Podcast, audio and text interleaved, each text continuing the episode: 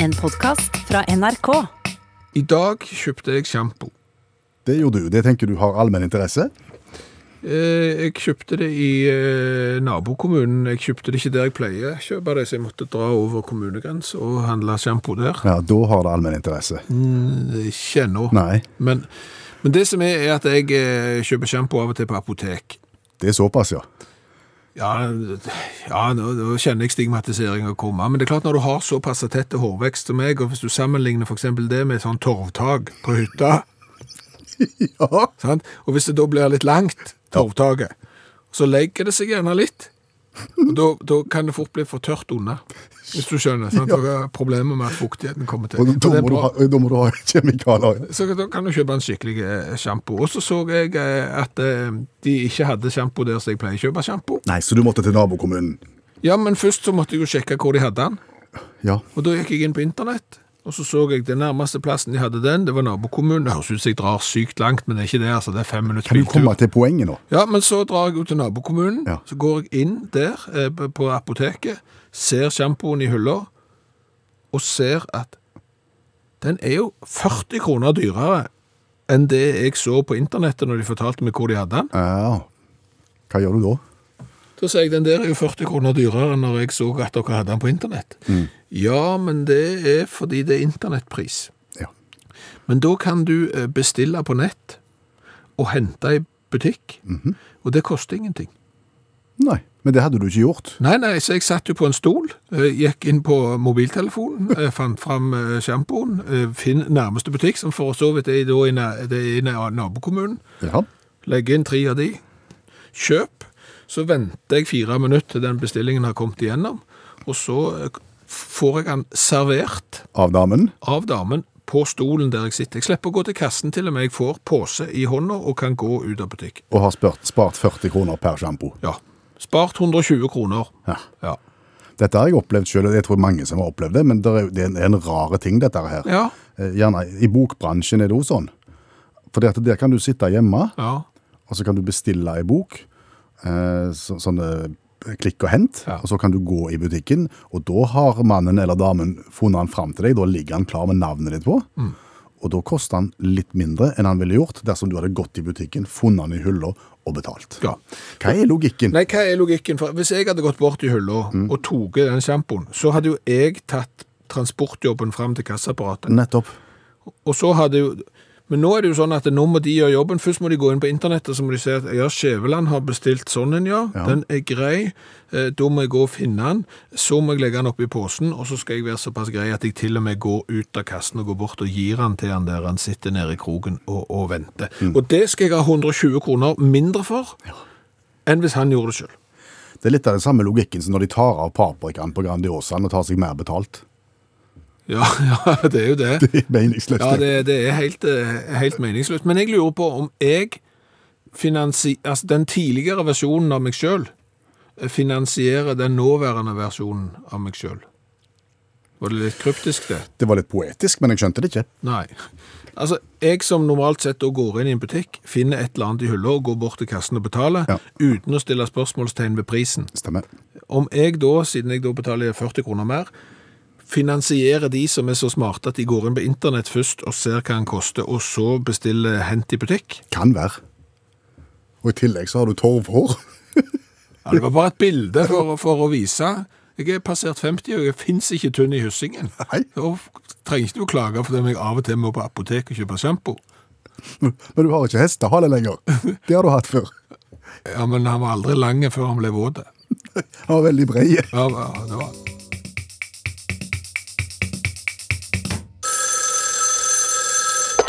Hallo, ja. Hallais, Klingsheim.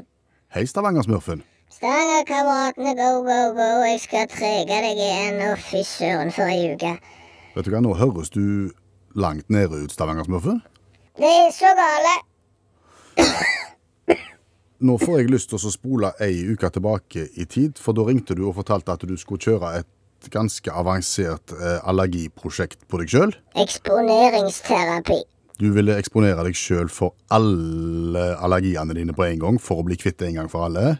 Nede i kjelleren til, til, til kajakken, ja. Til naboen? ja. Med bjørk, hassel, burot, hest, katt, hund og alt det der andre som jeg ikke tåler. Har ikke det gått så godt?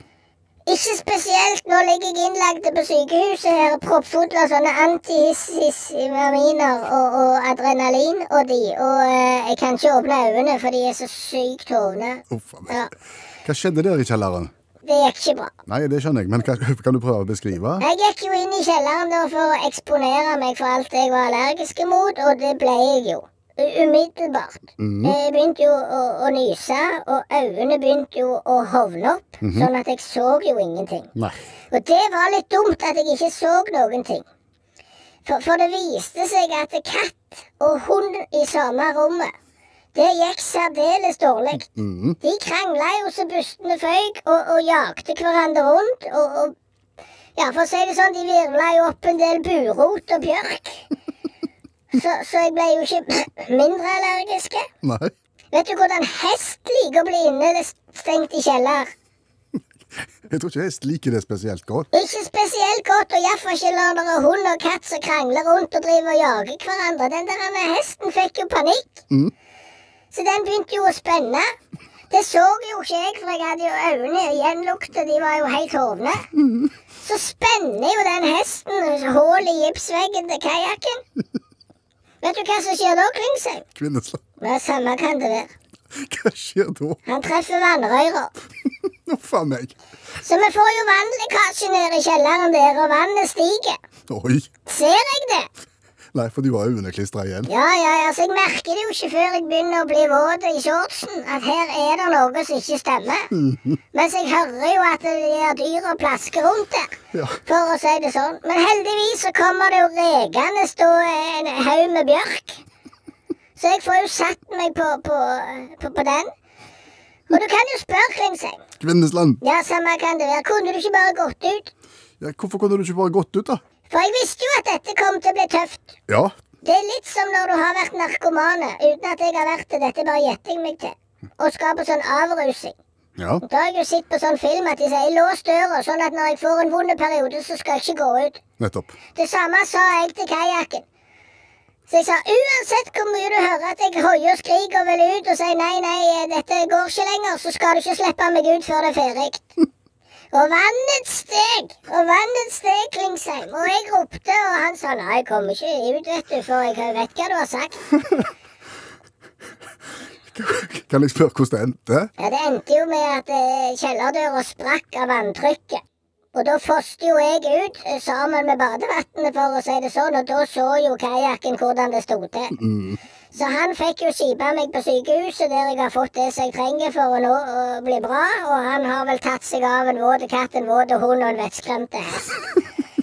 Så det har vært ei tøff uke, for å si det sånn, men det endte jo for så vidt eh, bra, da. Ja, men da er jo spørsmålet Har, eh, har eksponeringsterapien din virka, tror du? For du fikk jo på en måte kjørt deg mot alle allergiene på en gang.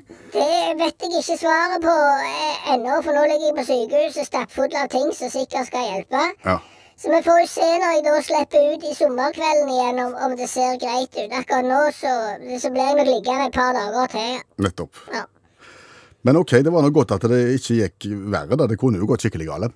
Det kunne vært det siste du så til Stavanger-smurfen go, go, go drukne i kjelleren til kajakken sammen med en hest, en hund og, og en katt og en haug med bjørk. Under eget allergiforsøk. Ja, det hadde ikke sett bra ut, jeg ser det. Nei, men du, masse god bedring. Jo, tusen takk skal du ha. Den maten på sykehuset ikke mer enn den må være, så vi satser på at vi kommer ut. Ja, Ha det godt. Ha det!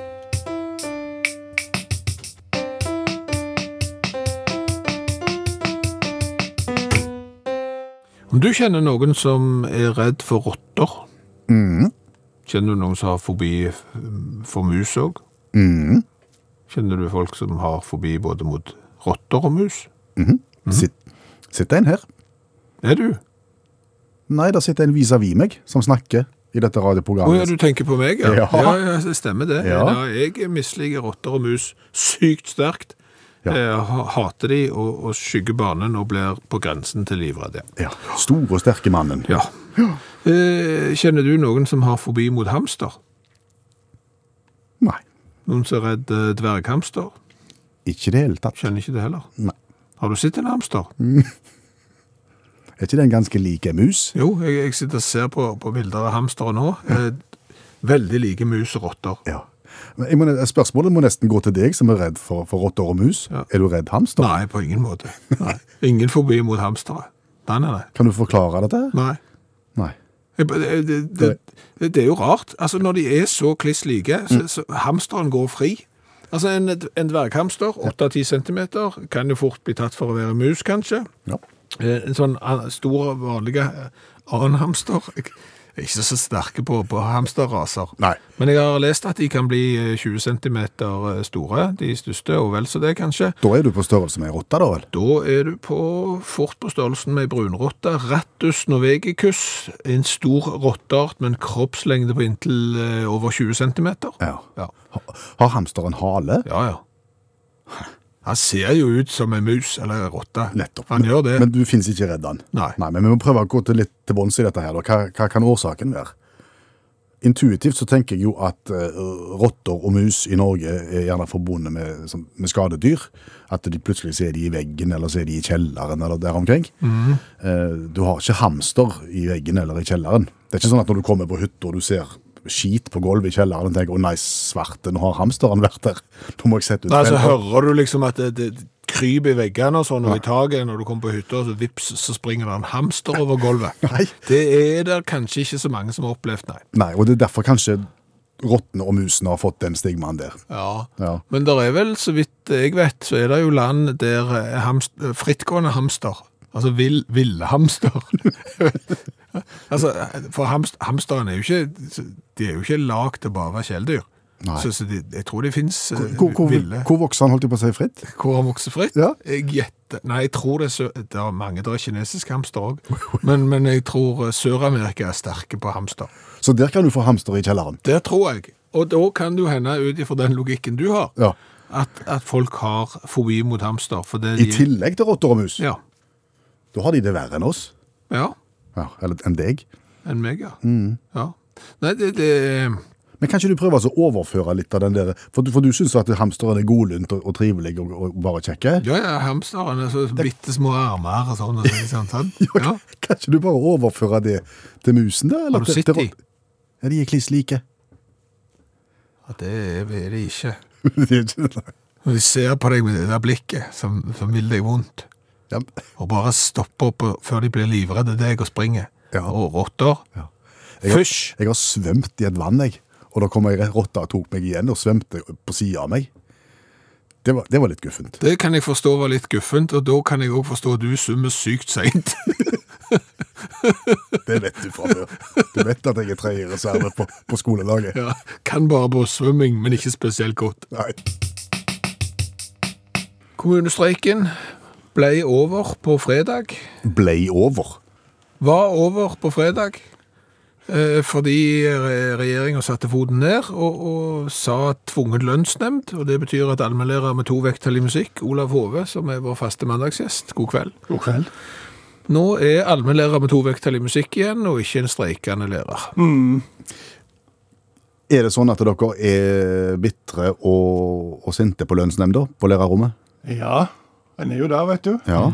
Men eh, det er jo viktig å, å heve blikket Ja. og tenke at av og til så er jo tvungen lønns- lønnsnemnd på sin plass. OK. Om ikke i dette tilfellet, men det finnes jo andre eksempel der vi tror streikende bare skulle ha drept for å få tvungen lønnsnemnd. Sier du det? Ja, ja, ja, ja. Skulle ikke forundre meg om du har med deg noen eksempler på det? ja, vi kan ta den lengste, den lengste lærerstreiken i verdenshistorien. Da skal vi tilbake på en tid 1914. Og Kitty og Tom Higden, det er to lærere, gifte var de òg, fikk seg jobb på Bu- Burston skole i Norfolk. Kom på kant med skolesjefen ganske kjapt, Charles Elland. Han var òg sogneprest. Og rådmann og, og teknisk etat. Eh, så det er klart at eh, det var, ja, de ville jo ha sånn oppvarma klasserom og sånne ting. Og, og det hadde jo ikke han når han vokste opp, og han så ikke helt grunnen til det. Og så ble det Det eskalerte, da. Og i mars 1914 så, så, eh, så trua han dem med sparken, da.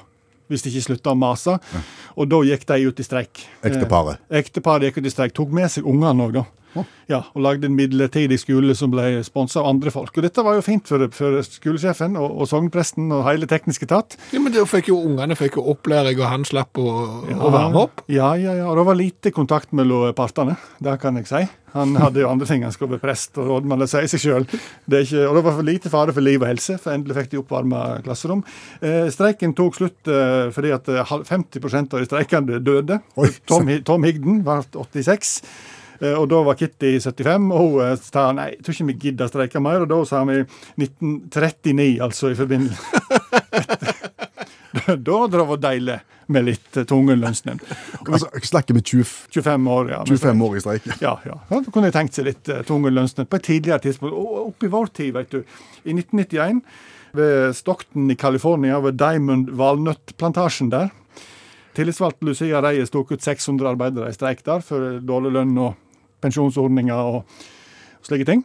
Knallharde krav, da. Og, og plantasjeeieren sa da er jo selvfølgelig kan de bare glemme det. Eh, Men de sto på sitt, og da òg er det jo. sant? Det var ikke akkurat, eh, det var, det var ikke akkurat livsnødvendig, det heller et snev av valnøttmangel i California, men de 53 andre plantasjene klarte jo å dekke det sånn, eh, sånn noenlunde. Eh, så, men, men de sto på sitt, og, og de fikk kravet innfridde. Samtlige krav innfridd. Ja, ikke, de fikk ikke pensjonsplan, da, vil jeg merke. Men da hadde vi sagt 2005. Så etter 14 år da på Valnøttplantasjen med streike-T-skjorte, så, så fikk de innfridd kravene sine. Og, og det nyeste av alle lange streiker, da skal vi til 2003 og Congress Plaza Hotel i Chicago. Henry Tomaine heter tillitsvalgte der. Han tok ut 130 arbeidere i streik. Akkurat samme som på Valnøttplantasjen. Mer lønn, bedre pensjonsordninger og, og i det hele tatt, da. 2003 gikk, 2004 gikk, 2005 gikk og 2006 gikk. og Hotellet hadde ikke spesielt lyst til det, men uh, i løpet av denne tiden de streika, så hadde de fått seg en, eh, en, en advokat i streikene, nemlig Peter Adjelkovic. Som jobbet i, jobbet i oppvasken eh, inntil han tok jusutdannelse som streikevakt. Så, øh, og da kom det seg jo litt, og, og, og de streika og streika. 15 stykk pensjonerte seg, 25 fikk ny jobb. Og Jane Hamilton hun eh, fikk tre unger med vaktmesterassistenten. Eh, før, de, før de ga opp streiken i 2013. Etter ti år, ingen krav innfridd. Oi. Og da hadde det vært deilig med litt tvungen lønnsstemt. Ja, prevensjon, kanskje. Jo, jo, men det er jo en fiffig måte å få etterutdanning på. Absolutt. absolutt.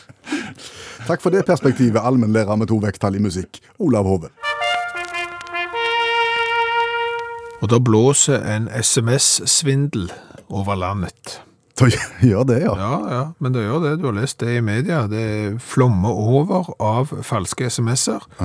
Med lenker du ikke skal trykke på, for da blir plutselig din telefon den som sender ut uh, nye SMS-er. Og denne vinden har et navn. Flubot. Flubotvinden. Ja. Eh, jeg har fått mange, du har fått noen, Ja. eh, og det er stort sett pakker som skal hentes. Jeg kan lese høyt fra en av de jeg har fått. Ja. Uh, click on aha hop two minute tracking ink for your IKEA delivery. Nettopp. Ja. Det gikk på engelsk og norsk. Nei, det gikk på engelsk og noe annet. Aner ikke på aha up two minute tracking ink. Ja. Og det er klart at der ligger det et lite hint om at her er det noe som ikke stemmer. Her er det ugler i den berømte mosen. Ja, ja. Du klikker jo ikke på noe sånt når du får et sånn dårlig skreven melding som det. Nei, og det har jo vært forsøk på svindel, og er forsøk på svindel på egentlig alle plattformer. Du har sikkert fått en eller annen mail fra noen eh, prinsesser i Nigeria osv., og, så og de òg flommer jo over av elendig språk, enten det er engelsk eller norsk. Og det har jo fått meg til å tenke At her er det et forbedringspotensial. Ja, altså hvis du da er leder for uh, dette her svindelsyndikatet, Ja. eh, og, og har den der årlige medarbeidersamtalen, Ja. for det gjør jeg regning med at de har. Ja, jeg tror de har tariffer, og, og, og, det er i orden, ja. Ja, ja, altså det er åtte til fire, nytt skift, nytt svindelskift fra fire, altså at det går kontinuerlig. Så, så er det nok en og annen der som kunne fått, eh, liksom, her har du et forbedringspotensial, rettskriving. Ja, Jobb litt med det. Ja. Og det er klart inntektene, vi vi vil jo tippe det vil være godt for bedriften òg. Eh, tenk på alle som blir mistenksomme til denne svindel-SMS-en pga. at det er dårlig norsk, dårlig engelsk. Ja, ja, ja. Altså, godt skreven svindel vil jo generere mye mer penger. Ja. Ja. Jeg tenker jo at hvis du er litt proaktiv, som, som hvis du er arbeidsløs for eksempel, og har hangt en kriminell løpebane, så kan du jo henvende deg til dette eh, svindelsyndikatet. For det er jo ofte sånn at det er litt sånn ekspansive bedrifter, Ja. hvis de møter en litt eh, kule, initiativrike kar som kommer inn og sier, vet du hva, jeg har noe som jeg tror denne bedriften trenger. Ja, ok, la oss få høre. Jeg behersker 15 språk i verden, og jeg synes at dere bør jobbe litt med språket, for det er så mye feil. Jeg tror du er ansatt på Ja, ja, men det er klart det, men, men det bare viser jo at i, i alle bransjer Ja. Så, er gode karakterer for skolen viktige. Altså Til og med i den bransjen som kanskje har rekruttert de som gjerne er dårligst på skolen, eller ikke har gått på skolen i det hele tatt, så bare viser de at de egentlig burde ha gått på skolen. For dette holder ikke. Det er kritikkverdig, det er elendig. ja. Det er ikke håndverk. Skjerp dere! Ja.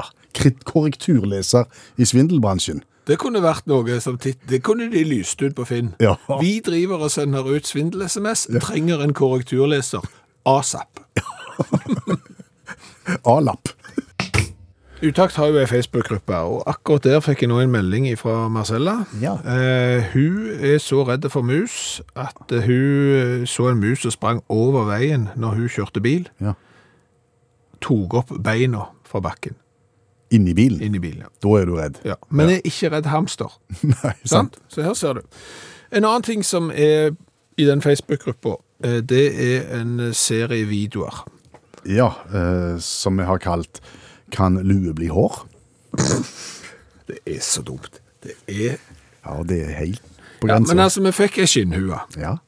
Forriktige skinnhue, eh, som hvis du la godviljen bitte litt til, kunne se ut som en litt dårlig parykk. ja, kraftig manke. Ja. Eh, Men vi har jo sett en del parykker og, og tupeer opp gjennom livet, og, og noen av de ser jo ut som de nettopp har dødd. Kim? Ja, tupeen, Tupeen, eller, ja. eller, eller eh, og, og vi lurte på om vi klarte å få den her skinnhua til å se ut som hår ved å ta ei hue oppå. For det bruker jo mange som har, gjerne har tupé eller noe sånt. De kamuflerer litt kanten og sånn med, med caps eller hue eller hatt. Kunne vi klare å lure folk på samme viset eh, med lue på, på skinnhua? Ja, dette har blitt en, en serie på ti nå, faktisk. Det er det jeg sier. Det, det er tidenes dummeste idé. Ja, men det som er gøy, nå, nå begynner lyttere av Utakt å sende oss uh, luer som vi skal forsøke med. Ja. Så nå har dette tatt en ny vending. Og, og siste eksempel kan du se nå i Eller alle kan du se, men øverst i Facebook-gruppa Ja. vår kan du se siste variant, Ja. som jeg fikk tilsendt. Anbefaler den. Den anbefaler vi, og bare går du inn på det som heter videoer, så, så ligger alle episodene der, og så har du en kveld. Ja. Søk opp Utakt bare på Facebook. Når jeg eh, hører dikt bli lest opp, Ja. så får jeg stort sett ikke med meg noen ting. Du hører at det blir sagt noe, men det er på en måte sammenhengen og betydningen så du ikke klarer å, å catche. Ja, for altså, det blir jo lest for meg, og så hører jeg jo at det er flotte ord og flotte vendinger, og en del eh, liksom gode, gode poeng, hvis det går an å si det. Men, men så forstår jeg svært lite av det. Før jeg setter meg ned med teksten, og får lest den selv, og får ro og fred til gjerne å lese første linja om igjen, og sånn, og så får jeg satt det i sammenheng, og så begynner virkelig teksten å lyse. Så tenker jeg, å, sånn var det. Skal du lese dikt nå? Nei, jeg skal ikke det, jeg skal snakke om Midtøsten.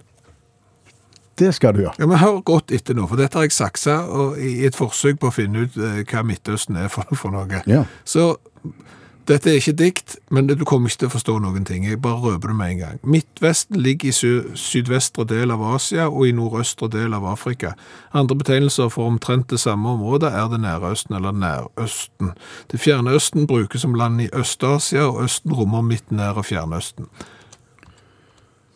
Det var litt som dikt, ja. Ja, det var litt sånn. du, du, må, du må gå gjennom det sjøl, men det er jo litt rart at det er jo med i Europa som på en måte har definert hva som er Østen. Fordi at de som bor i Østen, eh, de, de bor jo i midten. Og de har jo andre ting øst for seg enn vi har, som Ja. har definert det som Østen. Og det som ikke er så langt øst, det er jo Nærøsten. Og det som er litt lenger øst, det er Midtøsten. Og så har du det som er kjempelangt øst, det er Fjernøsten. Mm -hmm. Hvor er da Midtvesten? Nå har du gått fra østen til vesten. Ja, ja, men ser du det? For det er jo vi i Europa som har bestemt at eh, Ja, stort sett vi i Europa, så er det jo det. Som har bestemt at Østen, det er der. Hvor er da Midtvesten? Det er i Amerika. Ja. Midt i Amerika, er det ikke det, cirka? Jo, altså det er jo eh, midt i det vestlige området. Altså det er det er det vestlige området i midten. Nei, ta det og det. Altså Midtvesten Ja. er en region i USA. Eh, Det viser til det midtre vestlige området av USA. Ja. Stort tydeligere kan det ikke bli. Nei. Og da har jo du, som bor i eh, Vesten, som jo er oss, det er jo oss i Europa, vi, da, vi bor i Vesten, mens Midtvesten eh, ligger i USA, og Østen ligger til Det er bare rot. Ja. Og da mangler du bare Ville Vesten. Ja, det må du ikke glemme oppi dette her, nei. For det Det er i USA en plass jeg ikke er helt bombesikker på. Nei, men, det, men er det sånn at det, Altså, hvis du på en måte Nei, nå spør jeg kanskje vanskelig. Ja, men, men blir Midtvesten det samme for de som bor i Midtøsten? Eller blir det øst for Vesten? Nei, for de bor i Midtvesten. Altså, De kaller det å bo i Midtvesten. De som bor i den midtre, det vestlige del Ja, det er bare, rot. rot. Så, så det har jeg brukt ganske mye tid på i det siste. Jeg skulle gjerne gått over til dikt heller. Jeg tror kanskje det var enda eh, tydeligere. Det var tydeligere. Jeg kunne tatt det på limerick. Ja, hvordan er det nå det na, na, na, na, na, na, na, Nei, nei, nei. nei. Å nei. En bonde som bodde i Vesten, Ja, han ville så gjerne på festen. ja. Han Han tenkte med seg, nå drar jeg i vei, vei. og fyrte et par gin nede i Vesten. Ja, ja. Jadlalau, hei. Når jeg var fransklærer og hadde skoleavis i valgfag og sånn, så, så er det jo det å krydre undervisningen og liksom smyge inn noe kunnskap. ja. Det gjorde du? Nei, det har jeg lært etterpå, at jeg kunne jo lagt sånn quiz. For eksempel? Ja, det gjorde jeg aldri, så det er kanskje derfor de ikke ble all verdens uh, fransktalende, de elevene mine. Var kanskje derfor du ikke fortsatte som lærer òg? Det kan godt være. Eh, men, men det har jeg funnet ut nå. At litt quizing? Ja, eh, plutselig så har du lært litt om eh, vitenskapelige ting som du liksom ikke merket at du lærte, fordi at du trodde bare at du var med på en liten spørsmålsrunde eller et eller annet. Det er akkurat det vi skal gå i gang med nå, er det ikke det? Jo, jo, jo, vi bare få spilt vignetten først. Jo, gjør vi det. Let's go party down at the beach all day. Og for eventuelt nye lyttere, ja. dette har ingenting med saken å gjøre. Nei, men, men det, når du har en sånn en konkurranse som spriker sånn i, i alle retninger, så er det vanskelig å finne en vignett som rommer alt. Mm, Så tar du heller en som ikke passer til noen. Det er en annen måte å si det på. Men vi skal inn i oppfinnelsenes verden. Det skal vi. Og din jobb, og du som hører på radio, eh, du skal gjette hva kom først. Ja. Fasiten kommer ganske raskt etterpå. Mm, da lærer vi. Hva kom først, fyrstikken eller lighteren? Jeg tror det er en finte, for det Alle, ja, begynner du å tenke sånn strategisk nå? Alle ville sagt fyrstikkene, Ja. derfor sier jeg lighteren. Ja, det er jo det er jo litt dumt når du tenker sånn, for det er rett. Det, det, ja. Ja. 1823, Ja. da kom eh, den første lighteren. Eh, tre år etterpå så var det den første suksessfulle sånn fyrstikken med sånn friksjongreier. Det, det, noen hadde prøvd før, virka særdeles dårlig, men eh, da tre år etter eh, lighteren kom den. Og det som er litt interessant, syns jeg i hvert fall, det er at han som fant opp lighteren, han heter Johan Wolfgang Døbereiner. Jeg trodde han het Sippo. Nei, men, men tenk deg de foreldrene. Når du kaller han for Johan, Wolfgang, Ja. Og så finner han opp en lighter. da har han ikke gått ned den veien som foreldrene ville. Som andre Wolfganger, på en måte. Ja, eller Johanner. Nettopp. Men ok, eh, vi takker han for lighteren. Kan vi si at Wolfgang var en fin fyr? som falt opp lighteren? Det kan du si. Ja. Vi går videre. Patentet for telefonen, Eller eller patentet for lyspæren. Hva Lys- kom først? lyspæren? Nei? Nei, nei, nei, nei, nei. Det er patentet for telefonen. Altså, det er jo uh, Alexander Graham Bell. Jeg synes det er også litt rart eh, at han heter Bell og fant opp telefonen. Nå ringer han. Uh, men det var 1876, Uh, og går du tre år bak der igjen, så kommer du til 1879. Thomas Edison og Joseph Swan, som begge fikk patent for lyspæren. Det er en fin film nå, hvis du har lyst til å lære litt om strøm og, og lys og sånn. Ligger på Netflix. Ok. The Current War. Da kommer vi videre til det første flyvende mennesket i flygemaskin, eller det første mennesket i en tanks. Flyvemaskin.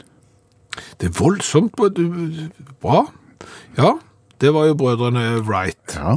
Orwell og Wilbur, som uh, klarte å fyge 1903. Og, Yeah, right, sa de. og så var det en brite britte som fant opp en tanks i 1915. Lurer på hvorfor det var i 1915. Det kan du si. Og Da er vi kommet til kanskje noen av de viktigste oppfinnelsene i verden helt til slutt, som vi setter opp mot hverandre. Ja. Grammofonen eller isbitmaskinen. Hva kom først? Grammofonen eller isbitmaskinen? Ja, Ja. Da ville jo fornuften sagt grammofonen, mens isbitmaskinen ville vært et wildcard. Jeg går for isbitmaskinen. Jeg liker ikke tankegangen, jeg. Ødelegg. Ødelegger litt konkurransen for meg. Når det er sånn, det er så opplagt at det må være feil, for det er på en måte sånn jeg har bygd den opp. Ja. Det stemmer det, altså. Det er ganske mye tidligere òg. Det er 21 år før Thomas Edison fant opp den der fonografen sin mm. i 1877. Allerede i 1856 var det en australier som fant opp den første praktiske isbitmaskinen. Er, er i ferd med å dette ut av konkurransen din i, i med at merker, er, er, er dette nest siste program før uh, vi skal skifte sendetid til sommeren? Det tror jeg. Jeg tror jeg, da tror jeg skal få én til, så jeg orker ikke mer hvis det er sånn det skal være. Sånne tid for hageprogram og hagestoff i blader og på TV og Det all slags. det er populært. Det er veldig populært. Så det, det må vi gripe. Absolutt. Som, det- som de influenserne vi skulle ha vært. Skulle har vært, så skal vi nå snakke om hage. Jeg har jo en hage. En slags. Ja, ja, ja men altså, det er mye fint der i den. Eh, Men jeg har ansvar for plenen nå. Det har du. Den er ikke spesielt fine. Den er pjusk. Den er litt pjusk, ja, og jeg får den liksom ikke til, og jeg prøver. Jeg går med sånn en uh, høygaffel-lignende sak. Lufte og løfte. Du lufter plenen. Ja, det prøver jeg på. Jeg klipper den jo med sånn en sylinderklipper for hånd. Jeg Prøver å gjøre det relativt ofte. Jeg har jo sågar gjødsla har jeg prøvd meg på. Plenrens. Det har jeg prøvd meg på, ja. Og, og jeg har plukket løvetann og, og forskjellig. Eh, Men den, eh, hvis du skal beskrive hvordan den ser ut Ja, altså, som en, jeg kan si det som, som noen som har gått på en eller annen kur. Det er flekkvis.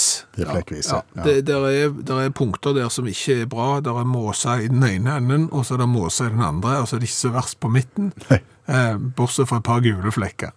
Eh, Det har ikke noe med lysforholdene å gjøre, dette her. Jeg, ja, ja, men det, det som, som slår meg her, er at jeg prøver alt jeg kan Ja.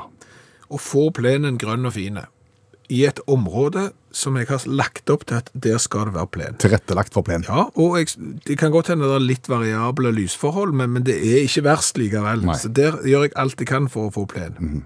Får det ikke helt til. Nei. Så er det områder der jeg overhodet ikke vil ha gras i det hele tatt. Som for eksempel langs kantsteiner, i grusganger, eh, sågar i asfalt har jeg jo ikke lyst til å ha gras. Der kommer de opp. Der vil de. Der vil graset komme opp, men ikke i plenen. Der er det gjerne mose Ja. istedenfor. Er det demonstrativt fra grasets side? Ja, men jeg, jeg lurer på om de har utvikla en form for uh, altså sånn hevnmentalitet. Altså, nå har vi blitt satt i bås, blitt plassert liksom Det er jo en form for apartheid. Det er gjerne det de føler. At de liksom Her skal dere bo. Dere skal bo der i plenen, og der skal dere være ingen andre plasser. Og så blir de lei. Ja. Og så finner de, vet du hva, det finner vi oss ikke i. Her ser jeg en kantstein. Vet du hva, jeg legger meg tett opp til den. Og her skal jeg vokse, og her skal jeg gro. Det kan være. ja. Ikke sikker på. Nei, men, men det er jo litt rart. Du gjør alt du kan for å få gresset til å vokse en plass der det skal gro. Der gror det ikke. Der du ikke vil det skal være. Der der gror det. Ja. Er det ikke ofte sånn i livet òg? Det, det var for djupt for meg. Ja, jeg tenkte kanskje det. Så du er ikke i stand til å utdype det sjøl heller? det, ble, det ble, ja, det er, det er, som livet ellers. Det er litt som gress. Ja. green, green grass, Of home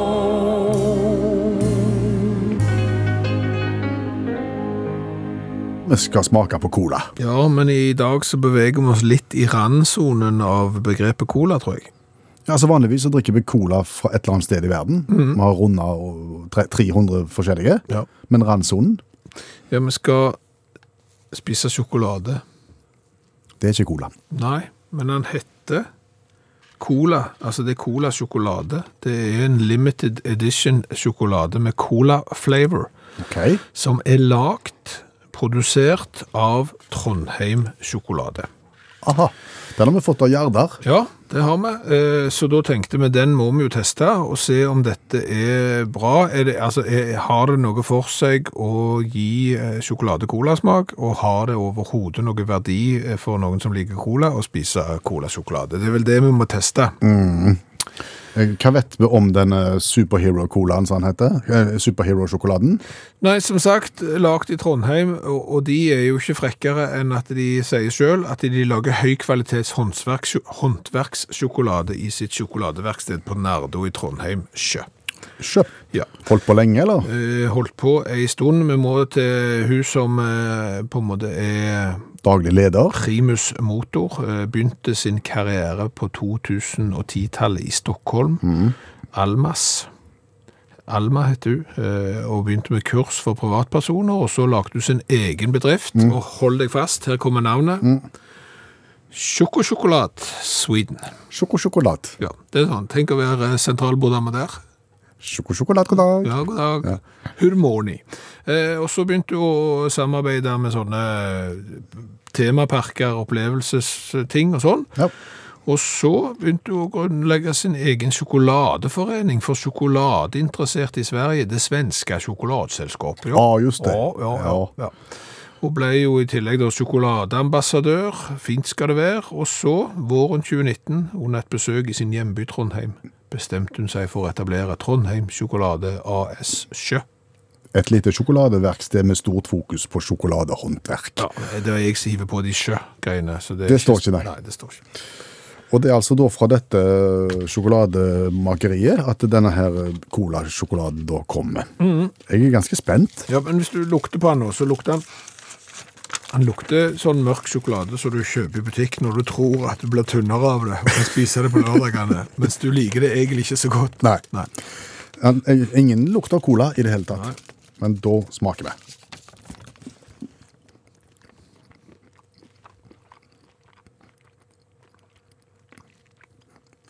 Ikke noe smak av cola i midten her, da. Nei, for det er jo et litt, sånn, litt mer flytende område inni den mørke sjokoladen. Ja. Er det det som skal ha colasmak? Er bare kokesjokolade for meg. Jeg syns det var sykt godt, jeg. Ja, godt var det. Det var sykt godt. Og terningkast seks godt. Ikke colafaglig. Nei, nei. Det her kunne jeg sittet med på lørdagskvelden. og trodde jeg ble tynn av den, siden den var så mørke og, og smakte så godt. Og det inni det fikk Det er litt syrlig. Ja, litt, sur- fikk litt troika-følelsen med- hvis du legger godviljen til. Når du har spist av geleen.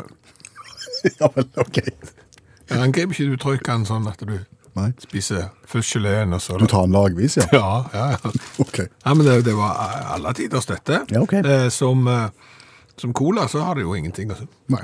Men som, som mørk sjokolade, Alle tiders. strålende. Men skal vi si at da har vi holdt oss i randsonen, og at vi neste mandag er tilbake igjen i Vanlige I cola, vanlig ja. cola, Men vi har òg fått en sjokolade med ølsmak, så den må nok òg under lupen på et eller annet tidspunkt i dette radioprogrammet. Ja. Har du tatt bilde av denne her?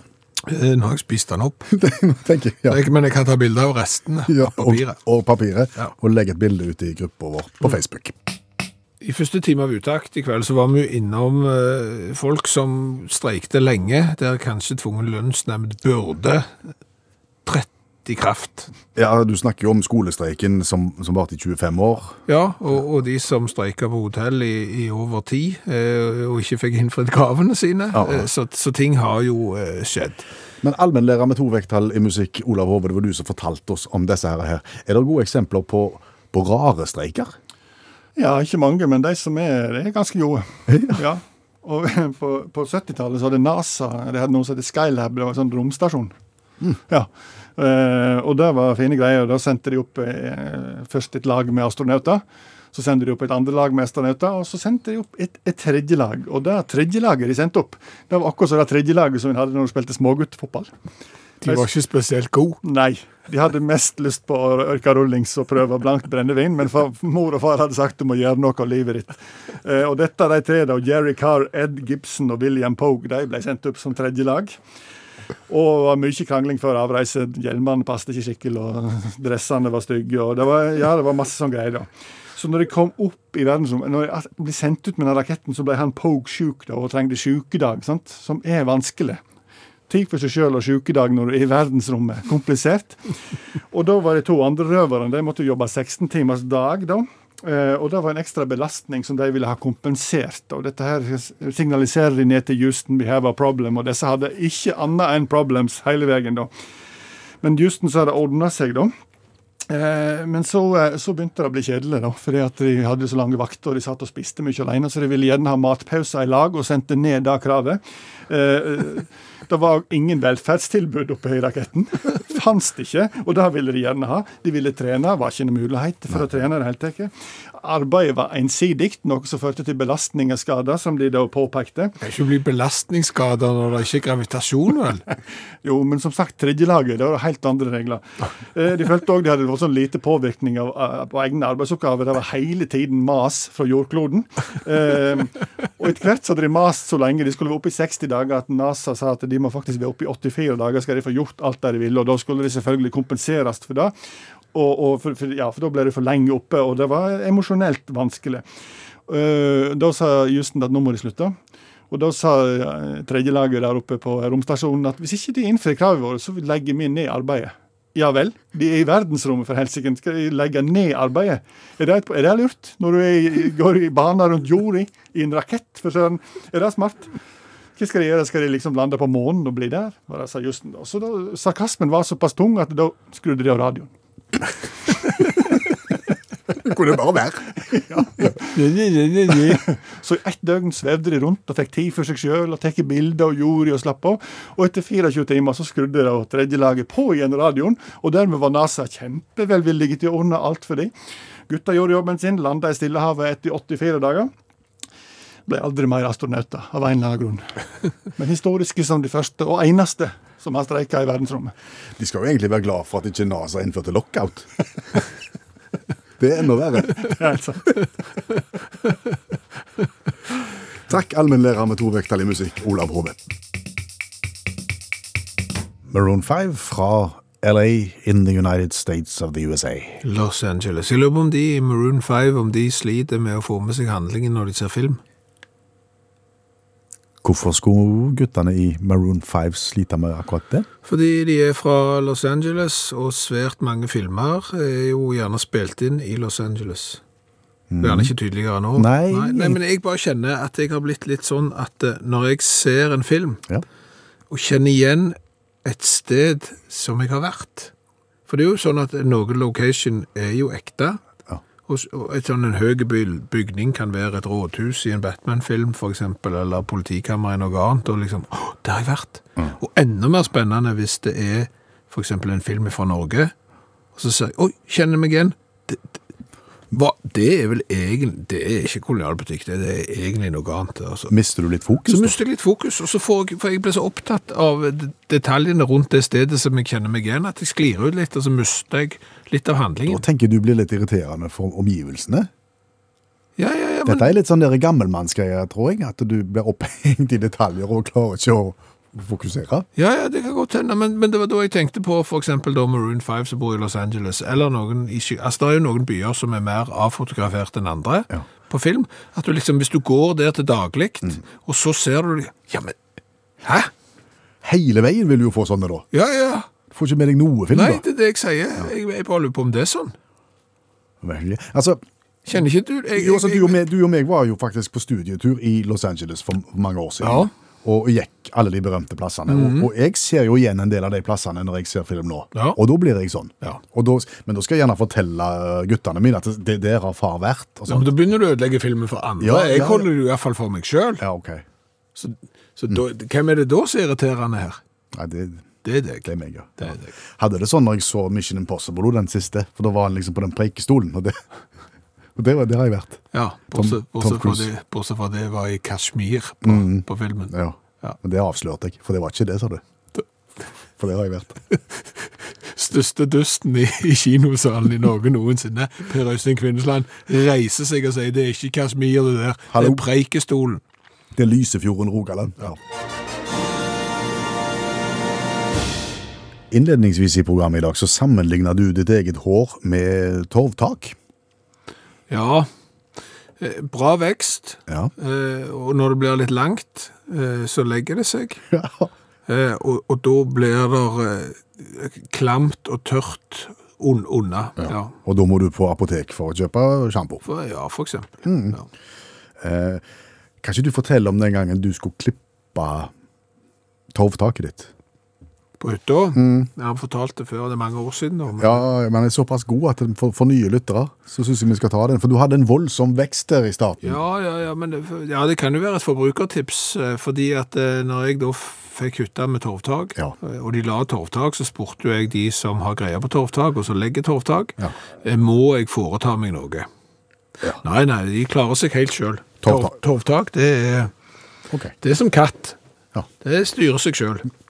Ok, eh, det vokste sykt mye. Ja, altså, og da er det liksom strå på en måte da, som vokser. Ja, og, og det var så grønt og flott. Det var helt enormt fint, og det var kjempelangt. Så eh, jo vekstsesongen slutt, så kommer vinteren, eh, så visner jo dette lange gresset, Og legger seg. legger seg. Og det ser jo ut som om hele hytta har fått håret til Donald Trump, Ja. når da våren kommer igjen. Ja. Det er gult, og det er dødt, og det ligger i en litt rar vinkel. Ja. Men jeg hadde jo fått beskjed om at jeg skulle ikke gjøre noe. Ingenting. Nei, nei, nei. Eh, etter en stund vokser jo ingen verdens ting der oppe, så begynner jeg å tenke, det kan jo ikke være sånn. Eh, så jeg må jo opp på taket og sjekke. Og der ligger jo dette her eh, dø, døde gresset. Det ligger jo som en tupé over underlaget, og slipper jo ikke inn hverken eh, Så det er jo råtent unna. Ja. Da må jo jeg opp med sånn en elektrisk kant, nei, sånn eh, bensindreven totaks eh, kantklipper, Ja. og ta vekk alt. Ja. Eh, Du, du rett og slett, ja, du slår det vekk. Det er sanering. Ja. Ja. Ok. Da kommer jo forbrukertipset. Da må du for guds skyld ikke parkere bilen med åpen takluke i nærheten av det arbeidet. Det, er, det må du bare ikke gjøre. Nei. Du har strå i bilen i årevis. Du finner strå på plasser du ikke ante. Og til og med om jeg hadde hatt takluka igjen, du må kjøre langt vekk, for du finner strå. Jeg har jo elbil. Altså, selv om jeg har lada bilen mange ganger, i et år så fant jeg strå inn i ladeporten. Fant strå overalt. Så, så det må du unngå. Ja, ok. Ja. Men etter at du fikk stussa det der, Ja. har du måttet gjøre det jevnlig nå, eller holder det seg bra nå? Nei, for nå er det såpass eh, Nå er det litt sånn skralt. Ja. Så jeg passer på å holde det litt skrint nå, for da vokser det ikke så voldsomt. Jeg gir det ikke så mye næring. Nei, Nei. og parkere unna. Langt vekke. Ja, Hvis jeg skulle klippe, ja. Ja, ja. Jeg på nabotomta. Du, hva har vi lært i kveld? Lært mye, men har jo lært at colasjokolade var jo enormt godt. Ja. Også for at det smakte jo ikke cola, da. Nei. Det- Men, men god sjokolade. Ja, ja, det var det. Så hvis du skal smake colasjokolade, så kommer du til å bli positivt overrasket, bortsett fra ikke forvente noe cola. Eh, Så har vi jo lært det at lighteren kom før fyrstikkene, og at isbitmaskinen eh, kom før eh, grammofonen. Ja. Det kan jo være viktige lærdom å ta med seg. Altså, Du kan briljere i selskapsliv med den. Altså, det, isbitmaskinen var rekordtidlig. Det er ikke mer å si om det. Eh, om, om utakt har injurierende kraft, altså om det er noen liksom som mener at vi er meningsbærende og liksom Nei, Nei, jeg tror ikke det er vårt mandat. nei, jeg tror heller ikke det. Så vi kan egentlig si hva vi vil, og ingen som tar det seriøst likevel. Vær litt forsiktige. Ok. Eh, collect at store, altså det å, å kjøpe på nett og hente i butikk, det anerkjenner vi ikke. Hvis det er sånn at produktet er dyrere i butikken enn hvis du henter det i butikken og har bestilt det på nett. Det er jo helt Der, der er noe dustete med det der. Ja. Gå i hylla, hent varen sjøl, gå bort til kassen, betal. Eh, Sjampo 40 kroner dyrere enn gå inn på nettet, få den i butikken til å gå og hente den og gi den til deg. Det er Mekanismer vi ikke forstår. Ja. Så vet vi jo at mange eh, er redd for mus og rotter, har fobi og den slags. Ja. Eh, Marcella for eksempel, som løfter beina når hun er ute og kjører bil og ser en mus over veien, Ja. Men er ikke redd for hamster. Nei, selv om hamsteren er kliss lik. Ja, hamster er jo mus, eller rotte. Ja. Ja, se på han. Nå får gjerne hamsterforbundet på nakken. Ja, men, nei, men vi har jo ikke en jordgjerende- kraft, nei. Sånn, Nei. sånn var det. men du må gå i deg sjøl, for det er du er redd for, for mus og rotter, men, men ikke for hamster. Ikke for hamster, nei. nei. Det var sånn jeg kom på det. Så har jeg jo lært det at noen streiker varer jo litt lenger enn andre. I Oslo ble jo streiken avblåst i dag. Eh, kommunestreiken sånn ellers i landet ble avblåst eh, på fredag. Tvungen lønnsnemnd. Eh, snakker med lange lærerstreiker, så har du den i England som gikk fra 1914 til 1939. Når du streiker i 25 år, da har du holdt på en stund. Ja, det var jo bare et lærerektepar da som eh, streika. De var to stykker. Mm. Streiken da ble avblåst når en av partene døde i en alder av 85 år, var det vel. Så mulert det at Østen, det er jo øst for Vesten, og vi bor i Vesten, men skal du ha Midtvesten, så må du eh, til USA. Lenger vest enn Vesten, der ligger Midtvesten. Det henger ikke på greip. Nei, og, og i nærheten av det ligger Ville Vesten. Ja, det er bare, bare rot. Eh, Så har vi lært en ting til om streik, og det er jo at eh, streiker du i verdensrommet, så er det lettere å få gjennom kravene dine hvis du bare sier nei, vet du hva, gidder ikke høre på dere, vi legger ned arbeid, skrur av radioen og er klar. Det var det en trio romfolk som gjorde, Ja. faktisk. Houston fikk ikke kontakt. Nei, og da hadde de et problem. Tra-la-la-la-la. Jaha, det var ikke mer. Sett nå kaffekjelen over og slapp av, og kos deg litt. Takk for nå. Du har hørt en podkast fra NRK.